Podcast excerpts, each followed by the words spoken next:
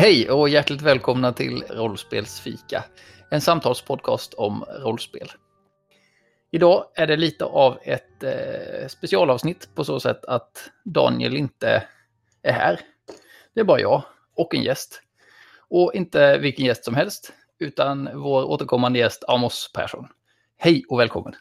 Hej, halloj, tackar. Vi ska ju prata om ett av dina, dina favoritämnen idag. Ja, det är väl lite det, har jag insett. Det är ju ganska ofta som du och jag pratar speldesign. Vi har ju lite olika projekt på gång tillsammans. Och eh, det är ganska ofta som det kommer upp att, eh, ja, nu har vi inte tänkt på det här. Det här måste vi också tänka på. Jag har ju en vits pet peeve, nämligen. Det här med när spel inte har tänkt på det här med pacing. Dagens ämne är alltså pacing. Eh, vi ska prata lite grann om vad det är, varför man ska bry sig och ja, hur man kan jobba med det helt enkelt vad det finns för verktyg och hur spel hanterar pacing och sådär. Vi, vi kan väl bara slänga oss in i, i diskussionen. Eh, vad är pacing om oss? Ja, alltså det jag brukar prata om när jag pratar om pacing är hur snabbt man tar sig igenom eller förmedlar olika delar av en berättelse. Och det är ett ganska så stort abstrakt påstående, men om man tänker sig en, en berättelse i så absoluta grund, har ju någon form av start och sen har någon form av bit där man bygger tension och sen är det någon form av bit där man liksom får de här spänningarna att landa i någonting och släppa i någonting. Och de flesta olika saker och olika tekniker har något sån form av mönster i sig. Och pacing är liksom sin absolut mest grundläggande form. Handlar om att vara väldigt bra på att hantera de här olika typerna av hur länge ska jag dra i spänningarna här? När behöver vi introducera någonting nytt? När är det dags att hitta ett avslut till någonting? Hur ska det avslutet se ut? Och hur ska de här olika bitarna som vi vill lägga in överlappa varandra?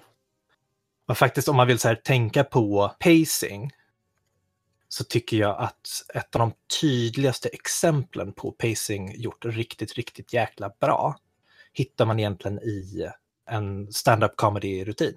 Liksom, Ståuppkomiker jobbar nästan uteslutande med pacing. Väldigt direkt. Det är väldigt mycket så här, har någon introduktionshistoria som sen bygger tension och sen så ska vi bryta den med någonting oväntat. Och sen ska vi chaina ihop de här på ett fint sätt. Och ska vi få en timing. Och det är sån här timingen som bryr sig om uh, tension och release-mönster. Det är mycket vad jag tänker på när jag tänker på pacing. Det är lite löst kopplat till rollspel än, känner jag. Alltså för det som jag har reagerat över lite grann är att det finns ju, som jag ser det, två ganska skilda delar av pacing. Jag googlade på vad, vad pacing betyder enligt Wikipedia. Och där var det mycket hur snabbt berättelsen berättas. Eh, det är ju en bit som man kan jobba med. Men oftast när du och jag pratar om pacing så är det mer åt aktstrukturhållet. Och jag tycker att det är, liksom, det är liksom lite olika grejer. Man kan ju som spelledare då till exempel, nu tänker jag inom traditionellt rollspel, så kan man jobba ganska mycket med hur man pratar, alltså hur snabbt man förmedlar vad nya saker, eh, ja men vad som händer härnäst och så vidare. Eh, och hur, hur, långa hopp i tiden man gör och, och, så vidare. Det känns liksom inte helt superlätt att eh, anpassa till indie-rollspel. Där är det mer aktstrukturen tänker jag som är applicerbar. Eller hur tänker du där? Jag tror jag tänker på det väldigt annorlunda. För för mig så berättelser är ju ändå någonting som bygger på varandra i flera lager. Och många sådana här koncept som finns på ett lager kan man också hitta på andra lager. Så exempelvis man kan prata om scener. Scener kan ha en struktur i sig som kan likna en klassisk aktstruktur som man har över en hel pjäs, exempelvis, eller en hel berättelse eller eh, en hel session om man pratar om rollspel. Men man kan också kolla på byggstenarna inuti scenerna ofta så kan man använda dem för beats. Och de kan också i sin tur ha den här typen av, egentligen en treaxeltur i minimum i sig. Och då pratar man liksom på, nere på meningsnivå i en skriven berättelse. Att man ska få in den här treaxstrukturen redan på den nivån. Så att det blir liksom att man bygger upp större och större bitar av de här grundläggande berättarteknikerna, men de dyker liksom upp igen och igen på flera olika nivåer. För sen kan man ju kolla, liksom, visst en scen kan ha en treaktstruktur, en beat har lite grann av den här treaktstrukturen. Om man kollar på en, en hel film, den har en treaktstruktur. Enligt Hollywood så ska den ha ett väldigt fast mönster. kollar man på en av de här akterna så kan man hitta en treaktstruktur i dem också. Och aktstrukturen skulle jag säga är en av våra vanligaste pacing-redskap. För det är ett redskap vi använder för att dela in berättelsen i olika delar. För att säga att den här typen av saker ska börja här. I den här delen av berättelsen så ska vi introducera nya personer eller nya konflikter. Och vi vet att det ska finnas ett slut på akten.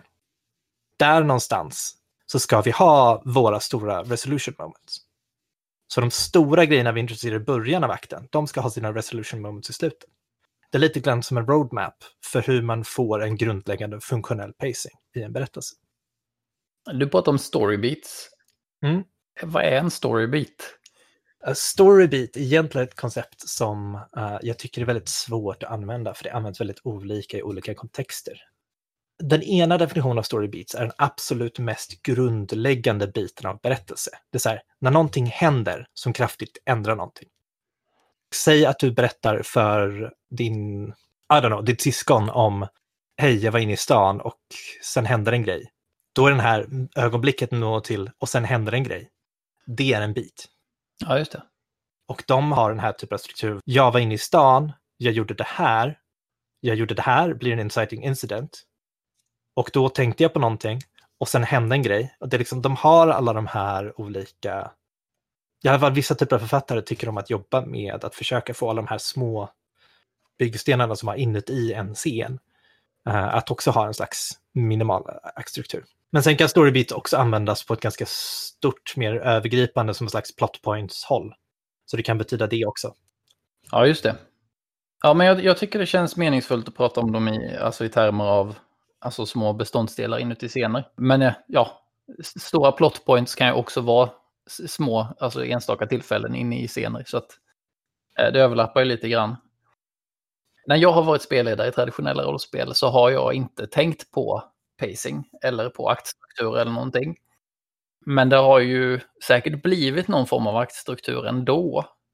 Och jag tänker att det är många som kanske planerar eller liksom tänker kring pl eh, plot points eller story beats. Men att man inte tänker så mycket på när måste den här grejen hända, utan man bara man låter det bara komma. Alltså det går ju uppenbarligen att spela rollspel utan att tänka på, på det här rent aktivt. Vad, vad har man att vinna på det? Jag tror nog att du har väldigt mycket att göra med vad du vill ha ut av rollspel. För samtidigt så skulle jag också säga att någonting som kan vara bra att känna till är att pacing och aktstrukturer och all den här teorin bygger ju på hur vi är vana att få berättelser berättade för oss.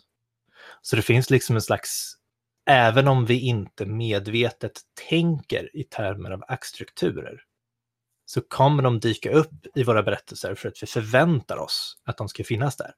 Och de är en del av det vi känner igen när vi känner igen, ah, nu blev det en bra story. Så det finns en slags implicit mål i när vi försöker spela för att ha en bra story. Om det är något vi fokuserar på, för det är inte alltid man gör när man rollspelar. Men om det är en av huvudfokuserna så tror jag att de här sakerna slinker in ändå. Och jag tror att det främsta poängen med att liksom tänka på det explicit är just att vet man vad de är för någonting så har man möjlighet att berätta den typen av berättelser man vill berätta på ett mer effektfullt sätt. Och man kan få redskap för att inse, oj, här berättar jag alltid samma typ av berättelse. För det är, storybeatsen kommer på exakt samma sätt. Har man verktyg för att analysera det där så kan man ju bestämma sig för om man vill fortsätta berätta den typen eller experimentera med någonting nytt. Jag tänker också att det, det beror lite grann på vad det är för typ av, för typ av genre man spelar i också. Eh, särskilt skräckrollspel, mm, där tror jag att Eh, de spelledarna är nog mer intresserade av eh, alltså att bygga tension och eh, att få pacingen hyfsat, hyfsat rätt. För att det blir så antiklimaktiskt ifall det hamnar fel i en skräckberättelse. Ja, alltså jag tror att uh, genrer som verkligen behöver jobba med pacing, implicit eller explicit, men jag skulle då påstå att det finns en stor fördel med att jobba med det explicit för sig själv.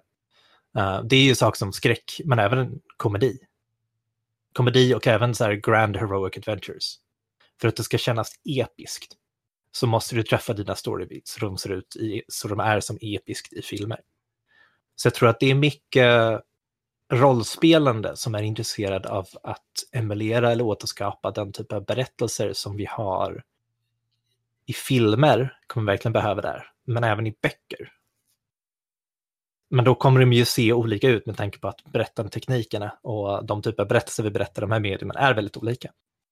På det planet så finns det liksom, vad är någon slags målgenre? Och där finns det flera där du tror det är väldigt viktigt. Men sen finns det också, okej, okay, vad för typ av spelstil är intresserad av storybeats? Och där vill jag faktiskt komma tillbaka till när du pratade om indie-rollspel, för det tycker jag är väldigt spännande. För inom indie så finns det ju, det finns ju ganska mycket variation. Samtidigt så finns det ju ofta en önskan om att fokusera antingen på story eller på relationer. Och där tror jag att där har man en liten implicit schism mellan de som tycker att pacing är viktigt och de som tycker att gestaltande och karaktärisering är viktigt. Och vem som lägger fokus på vad. För att är du mer intresserad av att få en tight story, då kommer du fokusera på pacing mer än vad du kommer fokusera på att göra vad din karaktär kanske skulle göra i den situationen. Och det tror jag är någonting ofta stöter på i grupper som alla säger att de vill, tycker om att prata väldigt så här indie, väldigt storinriktat. Och så är det ingen som pratar om föredrar pacing eller karaktärisering. Och så blir det konflikter där. Det som jag tänker på när, när du pratar indie, för jag, jag och Lukas, vi, vi försöker, eh, Lukas i Fummelpodden, eh, vi försöker på något sätt eh, sprida gospelet om eh, emulerande versus simulerande spel. Som ett, ett, alternativ till att prata om tradd och indie. Det är en ganska mycket tydligare uppdelning och, eh, och mindre ned, nedlåtande kanske. Skulle du kunna berätta lite om hur ni drar den gränsen? Vad de här begreppen betyder för er? Ja, så som vi, så som vi tänker kring det så är det ju att eh, många indiespel försöker att emulera en genre eller ett medium. Alltså att eh, det, det ska efterlikna en tv-serie eller det ska efterlikna en bok eller det ska, ja men eh, typ en dejt. Eller, eller så här, saker som, det, det finns inte ett fokus på, på att simulera en verklig spelvärld utan det är emuleringen av det här mediet som är i fokus.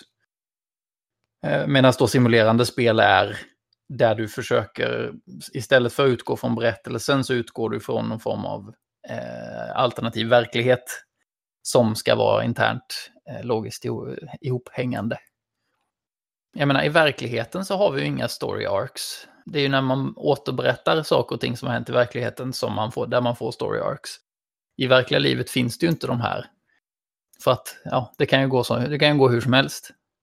Och mycket av de simulerande spelen är ju beroende av att det ska kunna gå hur som helst. Även fast vi är på, på sista, vi, vi är i den sista striden mot eh, det nu allting gäller. Och sen så bara skiter det sig. Eh, för att någon, jag vet inte, någon fumlar i början och alltså, så här, det bara blir totalt eh, fiasko. Ja, men det måste kunna bli så där för att fokuset är inte att emulera en hjältesaga utan det är att simulera en alternativ verklighet. Jag tror faktiskt att de här sakerna är någonting som spelar större roll vad gäller vilken spelstil du har än vilket system du använder. Även om ett system kan vara utvecklat för att uppmuntra en viss spelstil. För att jag har i min bakgrund att jag har spelat äh, främst Dungeons and Dragons av olika slag. Och uh, ingen som jag har spelat Dungeons and Dragons med har tyckt att simulering är viktigare än att få någonting episkt.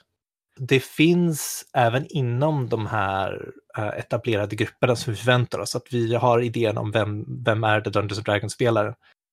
Så tror jag att det finns stor spridning redan där, speciellt när det gäller de som spelar liksom, sånt som vi ofta klassar som tradspel, men som inte är intresserade av regler. Där tror jag vi har en grupp spelare som är väldigt fokuserade just på story. Och de tror jag skulle tycka väldigt mycket om att prata om pacing. Ja, det tror jag. Nu, nu har jag inte läst eh, Dungeons and Dragons sådär värst noga. Men jag upplever fortfarande att det finns ju inga mekaniker som skapar, som, som emulerar genren.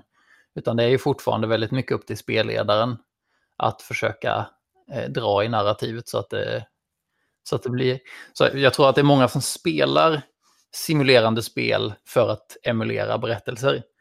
Även ifall då själva spelsystemen i sig inte egentligen afforderar det i, i någon större utsträckning.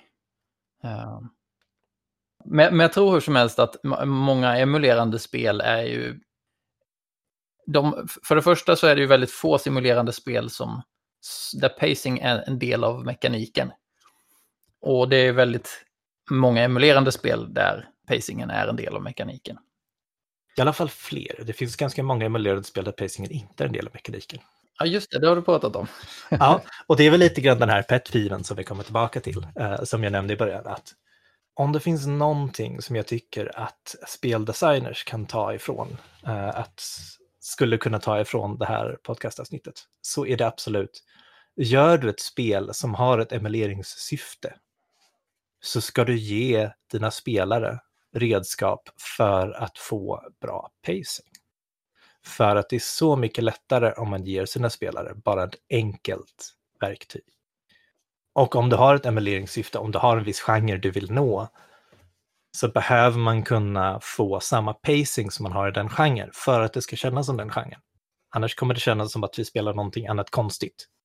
Och vi har ju snackat en del fram och tillbaka om det här när vi har bråkat om diverse småspel. Men det finns ju några standardmetoder för det här. En referensmetod är ju fiaskometoden, som är helt enkelt att ni har en pool med tärningar framför er. Varje tärning representerar en scen. När hälften av dem har gått, då har ni blivit klara med första akten och sen ska ni ha, ni ha en akt till. Och sen finns det ett, eh, mellan akterna så kommer det automatiskt att ske en bit för att det kommer ni slumpa fram. Typ. Och något liknande i slutet. Så då finns det ju ganska mycket explicit mekaniker som pratar om pacing. För ni vet exakt hur mycket tid ni har. Ni kan se liksom en klocka framför er som tickar ner för att veta hur långt kvar har vi. För att hinna med allt vi vill hinna med i den här första akten. Som jag använder som någon slags, återigen, hur mycket tid har vi kvar? Så det är en väldigt tydlig sätt att ändå göra pacing, någonting som man behöver tänka på explicit. För att vi ser klockan liksom ticka ner. Ja, och jag kan ju säga att när jag började spela fiasko och kom från tradd-hållet så, så upplevde jag ju att det var ju väldigt begränsande. Eller, eh, jag kände att ja, men det var inte alltid som att det passade att det tog så lång tid innan tilten kom. Ibland kändes det som att den skulle komma tidigare. Och så blev det att man introducerade någon liten halvtilt själv istället.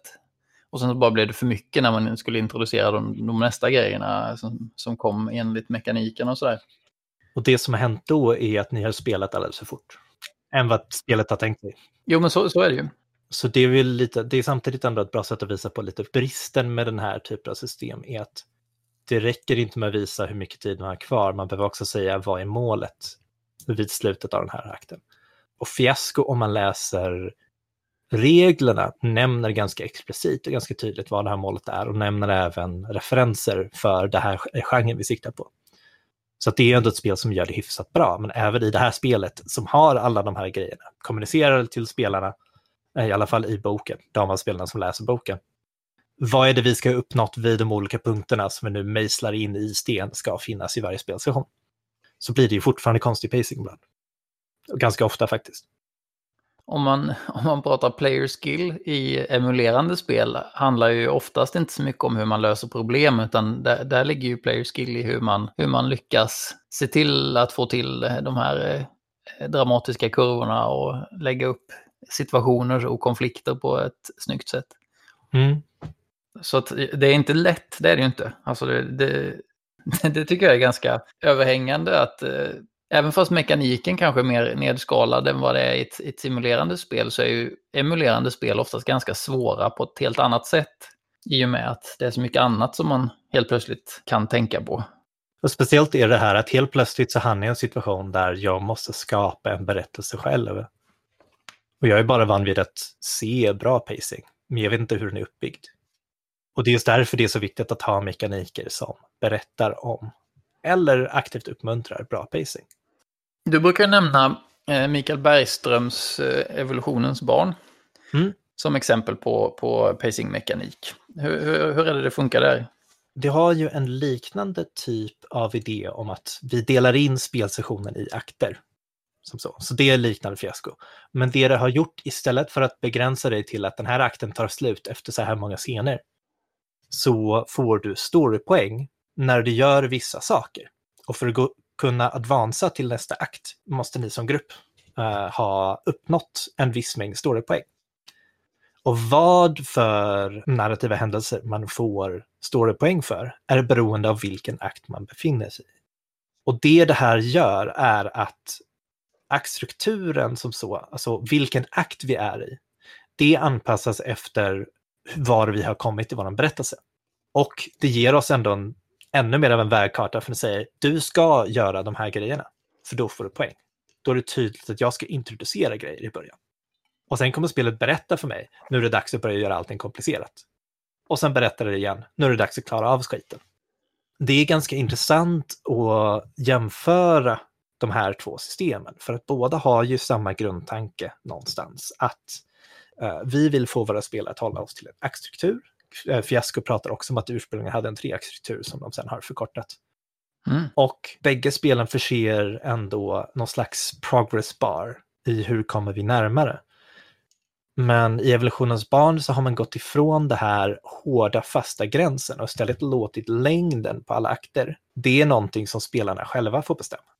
För att vi kan ju bestämma att inte introducera någonting på två timmar. Och då kommer vi aldrig ur första akten. Då är vi fortfarande i första akten. Om vi vill det. Ja, just det. Men vi kan också introducera allt på en gång. Och då är första akten slut och säga oj då. Nu har vi fått våra fem stora poäng. Liksom. Och det är ju en annan typ av pacing det är liksom en annan typ av pacingproblem. För att ofta så finns det ju en poäng med att ha, ha olika akter, ungefär en viss ratio mellan dem. Liksom. Man brukar ha första akten och sista akten. De två tillsammans är lika långt som tredje akten är standard i Hollywood-formatet. Men det har man släppt på i evolutionens barn. Medan i fiasko är det det man fokuserar på. Vi säger exakt hur långa alla akter är. Och sen får ni fylla dem med vad ni tycker passar. Men vi ger er förslag på vad som hör hemma där. Ja, det, jag tycker det är lite klurigt. Eh, för det är svårt att veta ifall man, ifall man trycker tillräckligt hårt för att eh, åstadkomma konflikt och dramatik. Eller ifall man, ifall man ska ta det lite lugnare. För så här, ifall man driver för hårt mot sin agenda så eh, ja, men då kanske man uppnår den redan innan, innan tilten. och eh, annars så eh, är man för långsam så blir det konstigt på andra hållet. Så det behövs nog lite riktlinjer. Jag tror att det som jag har märkt i eh, ett spel såsom Fiasko är att det tenderar att få en, en eller två spelare som tar på sig regissörsrollen på ett implicit plan. För det finns i det spelet, för de som inte har sett på det, så finns det ingen spelledare överhuvudtaget. Alla har exakt samma befogenheter som liksom roteras runt bordet. Men det brukar i praktiken i många spelgrupper bli så att det ändå sitter och är en eller två personer som är lite mer savvy när det gäller pacing, aktstrukturer, hur ser en story ut, var behöver vi få våra konflikter att hamna och hur ska vi få allting att funka, sitta ihop. Så den typen av roll tenderar att finnas där ändå, tenderar ändå att hamna på några få personer. Det är ju den här facilitator-rollen som det behöv, alla spel måste ju nästan ha det. Men sen eh, tänker jag att ju mer bekväm alla är med, med aktiviteten så kommer det bli mer och mer att man ger och tar och att man inte behöver liksom någon gemensam styrning utan man börjar lära sig varandra. Alltså så här, var, vart kommer hen driva? Och vart kommer jag att driva för att det ska liksom passa ihop? Det är ju någonstans en av de väldigt roliga grejerna med det här typen av berättande, att det finns ju liksom inget tak på hur intressanta eller coola saker som går att göra. Det går ju alltid att bara lägga till nästa nivå av komplexitet i berättelsen eh, och bara liksom pusha den gränsen framåt och framåt och framåt. Och det är också en av de väldigt roliga sakerna med att själv tänka på pacing och lära sig om pacing. är just att, att kunna pusha den där gränsen för vad för typ av berättelse jag klarar av att berätta lite längre än jag kunde förut. Jag tycker ju att testa på spel som inte har någon stark simulerande mekanik öppnar ju verkligen upp för att tänka på helt andra grejer som, som spelledare då framför allt. Men även i spel utan spelledare. Så det, det rekommenderar jag alla att testa på. Om vi ska vända lite på den här diskussionen, för nu har jag ju snackat jättemycket om hur bra emulerande och hur bra det är med pacing. Varför då är det min stora pet peeve med spel. Speciellt om jag säger att det är så roligt att lära sig mer om pacing. Varför är min stora pet peeve det här med emulerande spel som inte har pacing-mekaniker? Jo. Ja, ja, det är bara att svara på det. Att, precis, det blir lite att jag får svara på min egen fråga här. Ja. Det blir ju lite det att om du har ett simulerande spel så kommer det alltid att hända grejer. Det kommer alltid någonting spännande, det kommer alltid dyka upp konstiga grejer. Det finns alltid någonting som genererar någonting roligt, oavsett vad du gör. Du behöver inte vara bra på spelen för att kunna få något utan dem. Har du ett spel som börjar med att nu ska vi skapa karaktärer, sen har vi en relationskarta, vi har lagt två timmar på det och sen så nu har vi två timmar kvar att spela. Och sen så säger den ingenting annat om hur ska vi börja, hur ska vi sluta, den ger oss bara mekaniker som är så här hanterar du konflikter i vårt system eller så här hanterar du konstiga svåra relationer som vi vill fokusera på. Det kan vara spännande att spela sådana spel i en grupp som redan tänker på okej, okay, men nu ska vi göra en story. Vad vill vi ha för inciting incident och hur vill vi att uh, klimaxet ska handla? Och vad för genre vill vi lägga oss i? Vill vi ha en tvåakt, treakt eller fyraakt struktur eller någonting annat spännande? Har man en grupp som redan kan pacing, då är det inga som helst problem. Då går det absolut att göra. Det tar lite samarbete och sådär, det tar lite arbete. Majoriteten av de som spelar sådana här spel tror inte jag har den savviness. Och det kräver också att alla i gruppen har en savviness, om det inte finns några riktmärken överhuvudtaget. Och det som kan hända i de här spelen är att vi bara spelar scener som inte betyder någonting. Allting är bara ett enda löpande, pågående antiklimax, ett antiklimax, ett antiklimax. För att vi liksom missar tajmingen med alla våra tension releases. Vi missar tajmingen med alla våra act breaks och där vi förväntar oss att det ska bli mer komplicerat så har någon plötsligt löst någonting för snabbt. Det blir liksom en sörja av det hela. Och det som gör det hela till en riktigt jäkla petpiv är just det här att det här är ju ändå spel som påstår sig fokusera mekaniskt ofta på berättande och berättelser. Och ändå så har de lämnat ute en av de mest grundläggande byggstenarna av vad berättande är för någonting. Just det här med hur får vi våra, de här små mönstren med start, tension, release att linea upp på bra ställen. Det känns som att vi kan bättre vid det här laget. ja, jag vet inte, men som sagt för min egen del också så kom jag in i det rätt sent. Ja, och det är ju egentligen först nu på senare tid när vi har pratat om det som jag verkligen har jag har förstått att det, man behöver ha någon form av riktning i, i storiespel eller emulerande spel. För att det är så himla lätt annars att det bara blir blajscener. Vad är det egentligen jag ska göra? Alltså karaktären kan ha någon agenda och sådär. Visst, driver man mot den så, så brukar det ju komma konflikter längs vägen för att det är så det brukar se ut. Och det finns någon så här inneboende eh, grej kring. När, när någon försöker åstadkomma sina mål och man sitter och spelar ett spel, då tenderar de som är runt bordet att försöka sätta käppar i hjulet där. Det är en sån mänsklig grej, tänker jag. Men ja, jag vet inte. Det finns ju, som sagt, eh, jag tänker om man liksom tittar på tradspel, där händer det uppenbarligen grejer. Och jag vet som sagt inte hur många spelledare det är som aktivt tänker på, på pacing. Men jag vet om att jag har ju gått ganska lång tid utan att tänka på pacing. Har liksom inte planerat, inte planerat några händelseförlopp eh, och sådär. Men det är ju, där känner jag också i och för sig att det är, det är mer som så här explorativt skrivande, när man bara liksom skriver vad som händer. Och risken är att pacingen blir jäkligt knas där, som jag har förstått det på. Det är Daniel som har pratat mycket om det. Jag tror det är väldigt mycket beror på grupper, för jag har stött på grupper som inte alls bryr sig om pacing. I de kretsarna lite grann. Och sen har jag stött på grupper därifrån som kan så mycket mer om uh, storyberättande än liksom your average konvent emulerande spelare. Det finns de som kan liksom, här, här, här kommer vi med teorin bakom The Hero's Journey med alla detaljer och alla varianter utmarkerade och sätter oss och diskuterar. Det kan vara den typen av spelare som spelar Dungeons and Dragons. Och det finns även faktiskt en tradition av väldigt mycket den typ av spelledare som berättarroll inom de här gamla, uh, speciellt i äldre dagar jag förstår. Uh, och det kommer mycket från det här med hur rollspel spreds via konvent. För på konvent så kan du inte bara sitta och liksom låta det ta hur lång tid som helst, utan du har dina fyra, fem, sex timmar, vad det nu än är. Och du behöver se till att folk blir underhållna under dem, för att du kanske till och med får betalt för det här. Då gäller det att se till att du som spelledare kan underhålla. Och hur lär man sig göra det? Jo, man lär sig någon form av berättarteknik. Man lär sig lite pacing. Man lär sig de här sakerna som får oss att känna igen en spännande, cool, intressant berättelse. Så att jag tror att det kan vara lite missvisande att bara tänka sig ett simulerande spel, att de alltid bara har varit simulerande spel. Jag tror att det också väldigt länge sådana spel har spelats för att det var den spel som man kände till. Det var enda typen av spelsystem som vi spelade. Och sen användes de som en slags verktygslåda för att berätta. Men jag tror, eh, det, det, jag var också inne på det där lite grann i tankarna, men du hann säga det först. Eh, men det här liksom att på konvent så har du, har du en viss tid och sen så kommer du inte spela med dem mer eh, antagligen. Och då måste man se till att det, ja, men att det känns klart på den tiden. Och när man spelar hemma och kör, kör någon lång kampanj så har man inte alls samma restriktioner. Alltså, och, det, och det brukar ju också leda till att vissa spelmöten känns lite så här, nej. Eh, och andra spelmöten känns bara, fy fan. Alltså, det har vi byggt upp i, i, flera, jag vet inte, flera månader mot det här, det, det här tillfället och så bara spelas det här klimaxet ut. Och det, det finns ju stor charm i att ha någonting som är mer långtgående och sådär. Men det blir ju, det blir ju som sagt att när man har en begränsad tid så kräver det mycket mer av pacing som jag, eh, som jag tänker.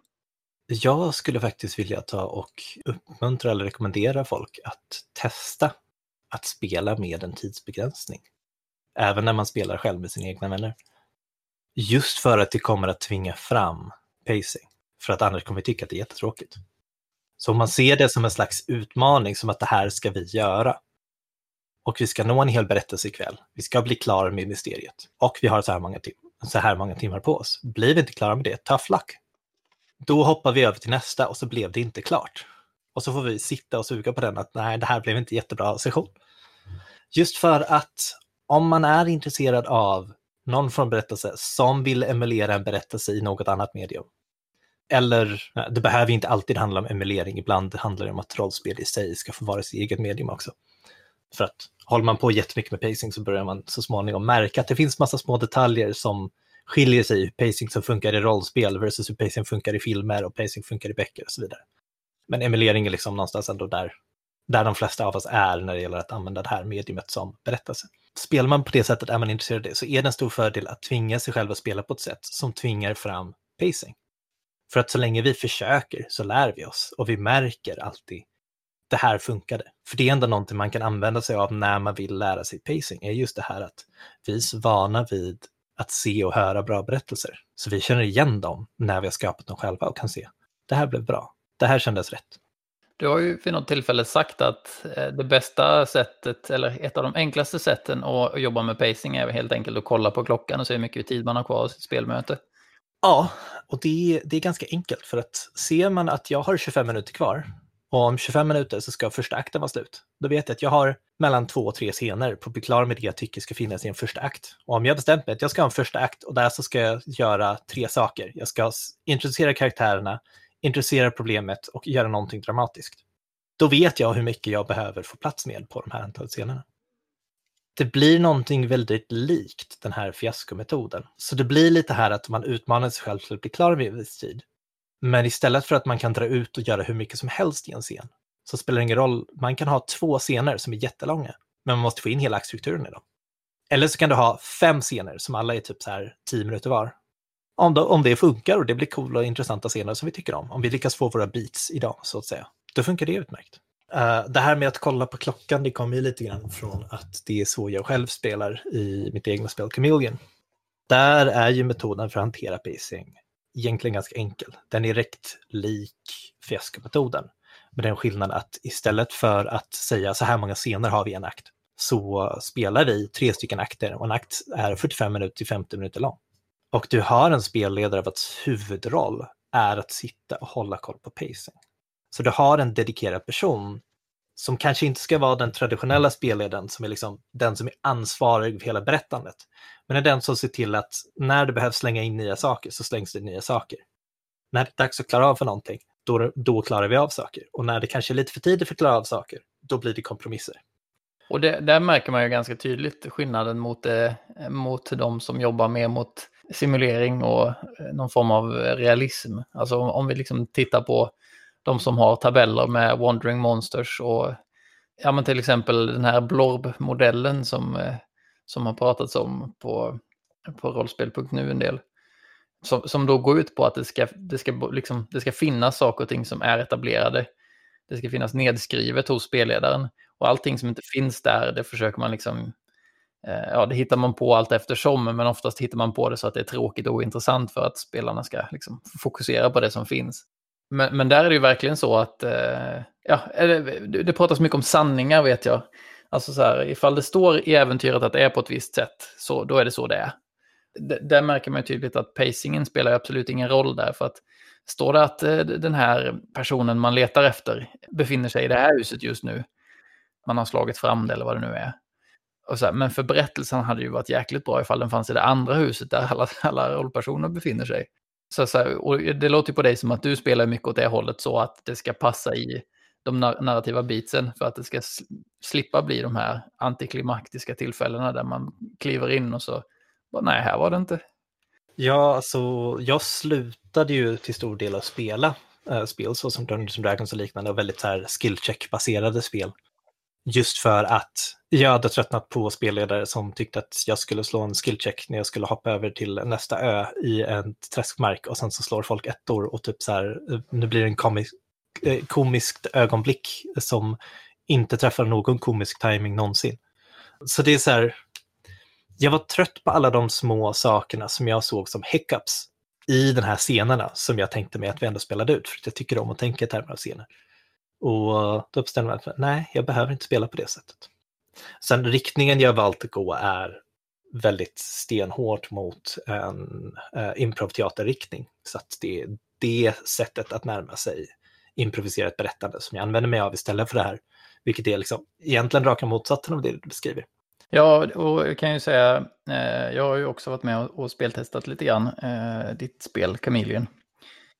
Jag, jag upplever att det, som sagt, mycket, mycket av det som, som, som, som finns där är det som, som spelledarna har hand om. Alltså som sagt, pacing är ett stort fokus för spelledaren.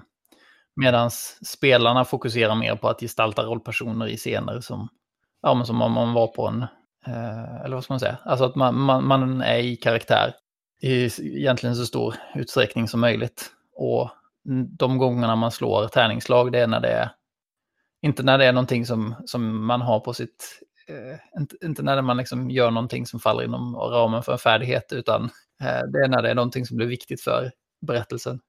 Det är när vi är den här tension-biten av en bit. Det är när vi tar en scen och sen ska det hända någonting. Vi har gjort en site incident. Vi har, gjort, vi har nått den här punkten där vi inte vet hur det här kommer sluta.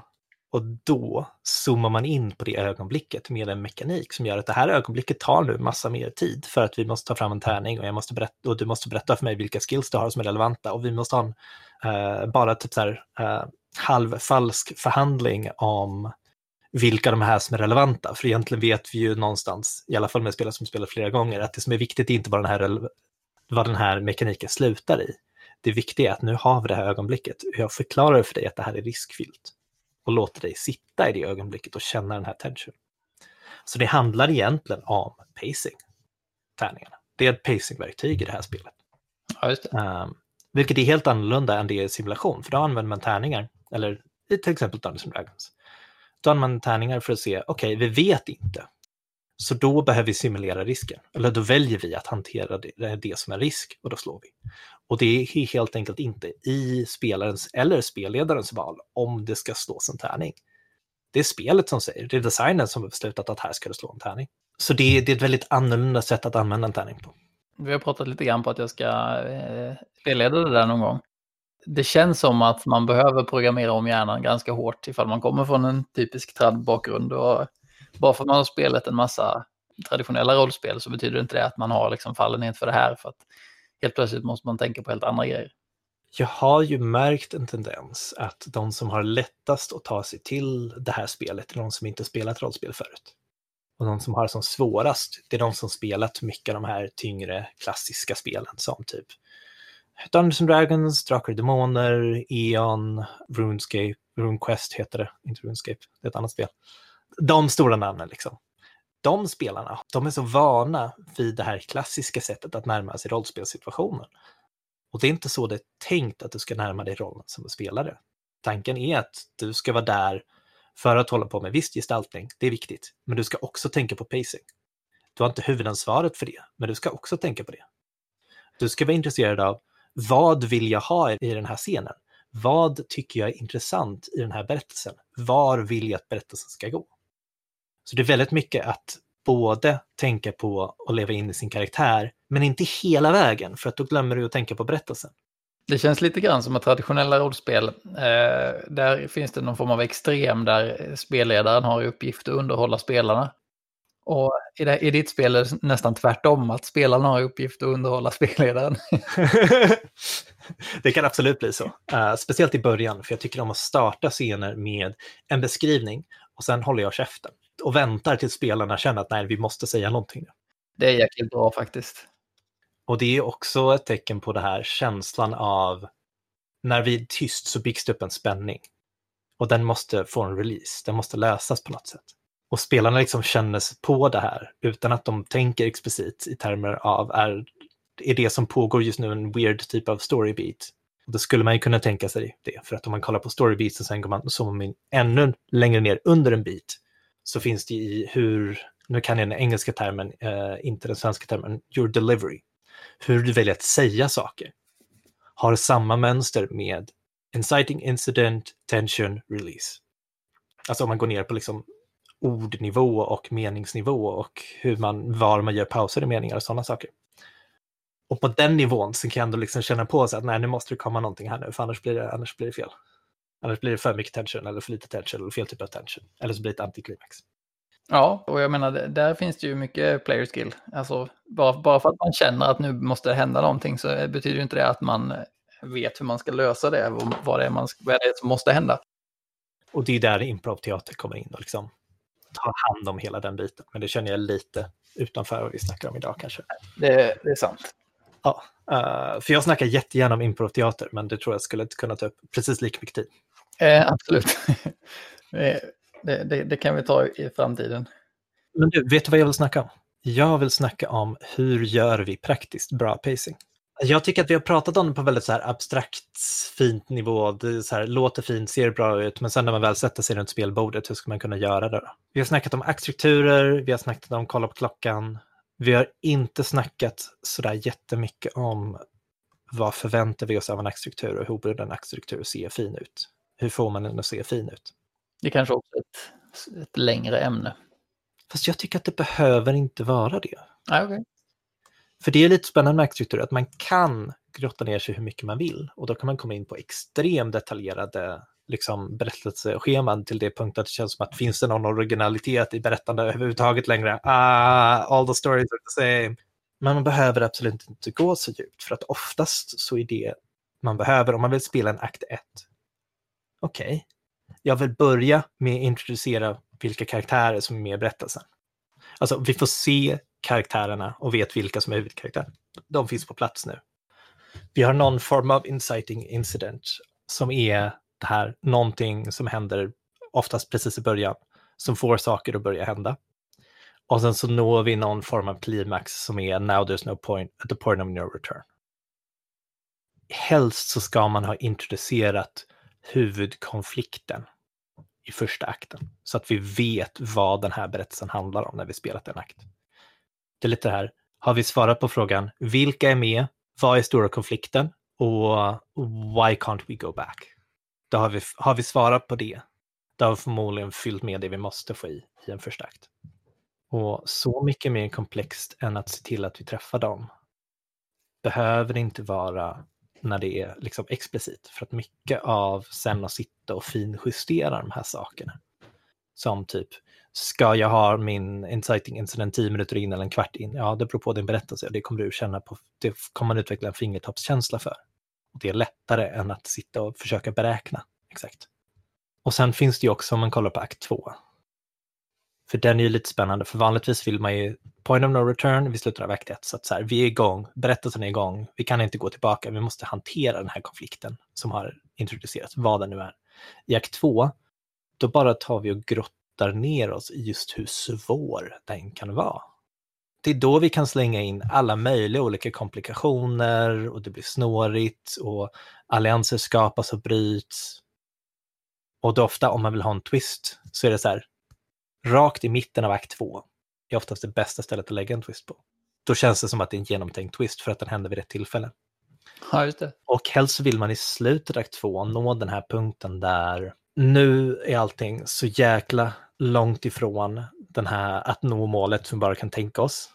Vi har försökt, försökt, försökt och vi har stött på lite framsteg, men mestadels problem och det har blivit svårare än det var från början. Det är då vi känner we're in over our heads. Under akt två så kommer det bli mer och mer krångligt. Svårare, svårare, svårare oftast. Och sen i akt tre, då börjar vi liksom lösa det här. Och så vill man lösa det i någon form av klimax ofta. Ibland vill man ha med en slags liten mer epilogaktig grej på slutet, där man får se hur allt återgår till någonting fungerande eller normalt. Ett nytt status quo. Precis. Så att du bryter status quo i den första akten och återupprättar ett nytt status quo i tredje akten. Det är något du vill göra.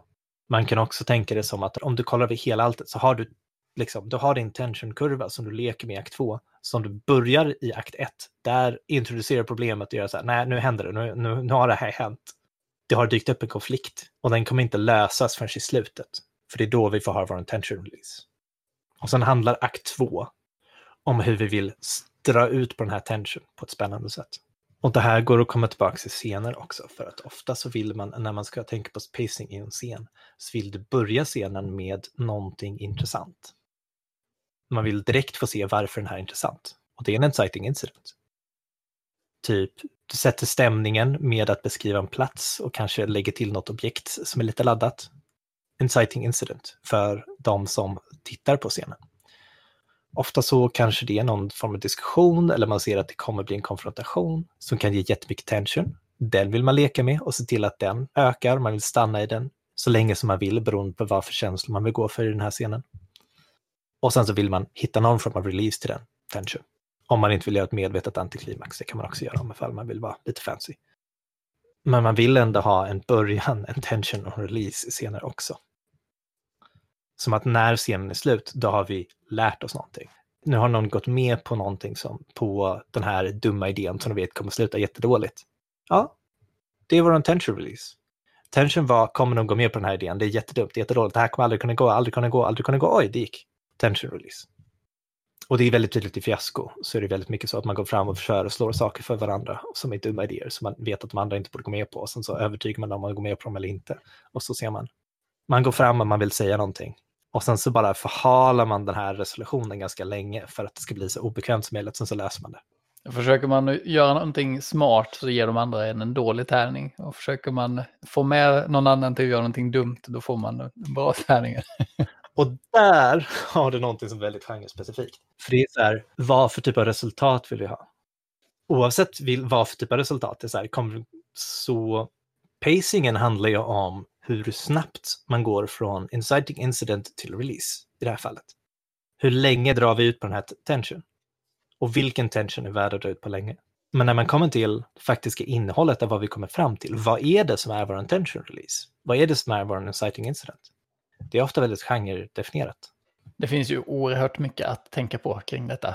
Mycket kvar att diskutera, men jag tänker att vi har i alla fall doppat tårna lite grann i det. Hur man kan tänka och ifall man är helt främmande för det här samtalsämnet så tänker jag att då lyssnar man på det här och så tänker man, uh, jaha, okej. Okay. och har man lite koll så kanske det, ja, men det finns någonting som man tycker att men det där skulle man kunna prata mer om. Så jag hoppas att det föder lite vidare diskussion i alla fall. Vi vill ju ha pacing i våra emulerande spel, eller hur? Ja. Jag har försökt bygga in det i senaste projekt i alla fall. Får vi se om det, om det funkar. Annars får jag väl skälla på det igen. Men eh, där, jag, jag känner mig ganska nöjd med den här diskussionen så här. Ja. Då, då tackar jag helt enkelt dig om oss så himla mycket för att du ville vara med återigen. Ha det så bra. Vi hörs igen eh, en annan gång.